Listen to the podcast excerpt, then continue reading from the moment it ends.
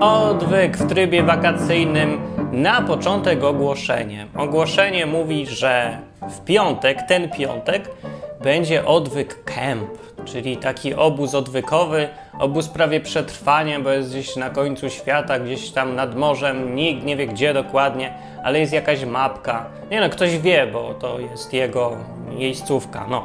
I to jest zupełnie niezorganizowane spotkanie, nie wiadomo co będziemy robić, ale najważniejsze jest to, żeby przyjechać i żeby się spotkać. Dla słuchaczy odwyku i dla każdego, kto chce, takie spotkanie odwykowe, więc będzie dużo na pewno tematów o Bogu i o Biblii, będziemy sobie gadać rozmawiać i się poznawać, ale nikt, nikt nie liczy, że jest jakiś plan dnia albo że jest tam cokolwiek zorganizowanego, bo nie jest. Czyli fajnie, no ja lubię. No to będę w ten piątek, więc jak ktoś chce mnie spotkać, to tam co jeszcze? Aha, informacje gdzie i gdzie się zapisywać, ile to kosztuje i coś tam. Kosztuje jakieś grosze, a zapisywać to się trzeba. Czyli nie ma zapisów, tutaj trzeba gadać z ludźmi. Po prostu wejść na forum na stronie www.odwyk.com i tam na górze jest temat Odwyk Camp. No i się tam dołączyć, przeczytać, dopisać, powiedzieć i tak dalej. Można się już rejestrować na forum, jakby ktoś chciał się zarejestrować i powiedzieć swoje albo zapytać. A jak nie, to, to, to w ostateczności można pisać do mnie, a ja odeślę tam, gdzie trzeba, czyli w sumie nie wiem gdzie, ale się dowiem. Albo napiszę na forum. No, dobra, koniec ogłoszenia o odwyk kampie w tym tygodniu już.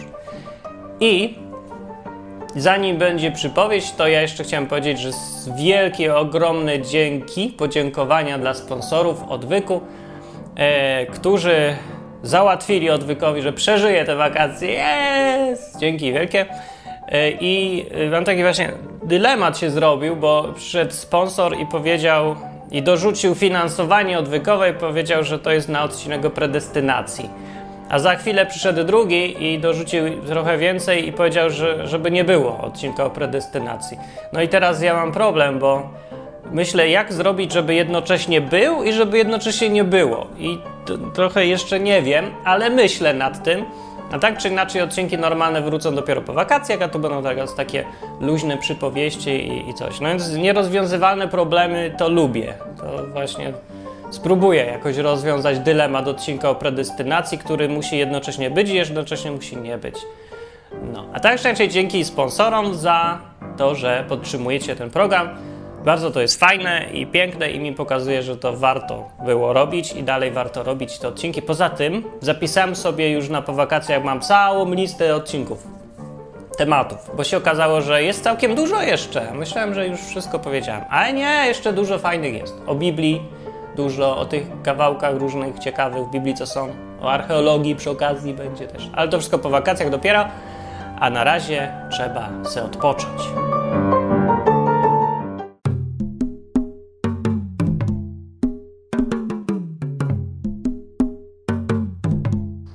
W pewnym kościele był pastor, który słynął z doskonałych kazań. Mówił mądrze, ciekawie, a Biblię znał lepiej niż PIN do karty kredytowej. Któregoś dnia po nabożeństwie podszedł do niego człowiek o przygnębionej minie. A coś ty taki smutny, Stefan? przywitał go pastor. Bóg cię kocha. No to bardzo pięknie, pastorze, ale mam problem. Problemy przychodzą i odchodzą, a miłość Boża trwa na wieki, zauważył kaznodzieja. Może i trwa, ale chyba nie dla mnie. Straciłem właśnie pracę, interesy mi nie wyszły, żona zabrała dzieci do mamy, a bank chce zająć mi dom. Chyba, że spłacę długi w ciągu tygodnia. Może jakoś pomóc, pastorze? Pastor pokiwał głową ze zrozumieniem, sięgnął po Biblię, zacytował świetnie dobrany fragment i powiedział: Będę się za ciebie modlił. No ale mi chodziło o jakąś konkretniejszą pomoc. Cóż może być konkretniejszego niż modlitwa? No, pieniądze? Widzisz, Stefan, Bóg ma pieniądze. Do mnie należy srebro i do mnie należy złoto, mówi Biblia. Pamiętaj, modlitwa może wszystko. No, człowiek smutno podziękował i poszedł. Miesiąc później, z błogosławieństwem całego kościoła, pastor poleciał na misję do Afryki. Zbierano na nią od pół roku. I tak się stało, że zaraz po przylocie nieuczciwy taksówkarz wywiózł go na pustynię, okradł i odjechał. Hmm, zdarza się. Ale pastor nie załamał się. Modlitwa mnie uratuje, pomyślał. Usiadł na środku pustyni i zaczął się modlić o ratunek. I tak minął wieczór, i noc. Rano, po porannej modlitwie, pastor odkrył, że kiedy człowiekowi dokucza pragnienie, to bardzo trudno jest się modlić. Wstał więc i zaczął iść przed siebie w poszukiwaniu wody. Wieczorem, kiedy słońce wysuszyło z niego już wszystkie siły, pastor ku swojej wielkiej radości zobaczył przed sobą małe obozowisko. Doczłapał do niego ostatkiem sił i poprosił o wodę. A co nam dasz w zamian? zapytał obojętnym głosem strażnik tego obozowiska. W zamian? zdziwił się pastor. Woda to cenna rzecz, ale ja nic nie mam. No to przykro mi, ale nic tego. Tego pastor się nie spodziewał. Pozwolisz mi tutaj umrzeć? Widocznie taka wola Boga.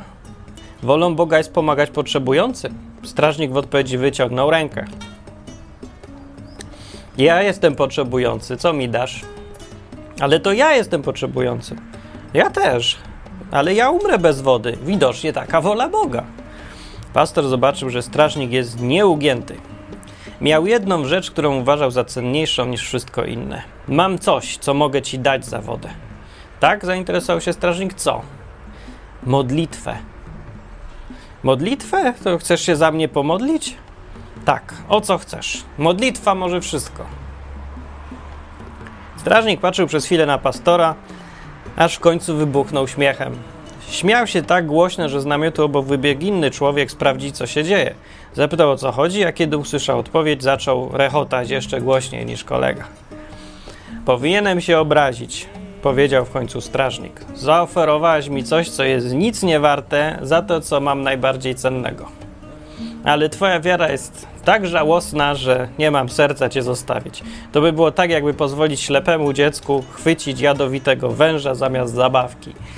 Z tymi słowami odpiął od pasa skórzany kubłak, bukłak, kubłak? Bukłak, bukłak i rzucił pogardliwie na ziemię. Pastor był zbyt spragniony, żeby wdawać się w dyskusję czy oburzać. Rzucił się na ziemię, chwycił bukłak, bukłak i podniósł do ust. Ale w worku nic nie było. Tutaj nic nie ma. Hej, nie narzekaj, odparł strażnik, idąc z kolegą w kierunku namiotu. Dostałeś tyle, ile dałeś w zamian. Więc nie wierzysz w moc modlitwy.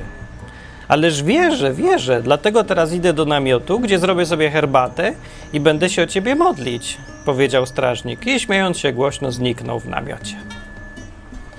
Zbliżał się wieczór. Pastor siedział na gorącym piasku i czuł, jak każdy centymetr jego ciała domaga się wody. Boże, czemu nie odpowiadasz, kiedy najbardziej Cię potrzebuję? szeptał pastor. Im większe wątpliwości go ogarniały, tym bardziej był zdesperowany trzymać się przekonania o mocy modlitwy. Pół godziny później z namiotu wysunęła się głowa. Słońce już prawie zaszło, ale było jeszcze na tyle jasno, żeby bez trudu można było zauważyć sylwetkę pastora, który klęczał na piasku ze zwieszoną głową, obok pustego bukłaka na wodę. Głowa wsunęła się do namiotu z powrotem. Chwilę później wyszedł z niego kolega strażnika. Stanął nad pastorem i kręcił z niedowierzaniem głową. Nie przeszkadzaj mi, powiedział pastor, modlę się. W odpowiedzi poczuł, jak silna ręka chwyta go za włosy i podnosi do góry. Puść mnie! Zamknij się, kretynie, i patrz, powiedział napastnik, przekręcając mu głowę w prawo. Jakieś 10 metrów na prawo od miejsca, gdzie stali, w ziemi była wielka dziura, a w dziurze srebrzyła się tafla wody. Stali tuż koło studni. Obok leżał pusty bukłak z wodą. Pastorowi zaparło dech w piersi. Dziękuję, wymamrotał i rzucił się do studni. Rany boskie, co za leniwy, bezużyteczny człowiek, usłyszał za sobą pastor. Umrze z pragnienia, ale dupy nie ruszy.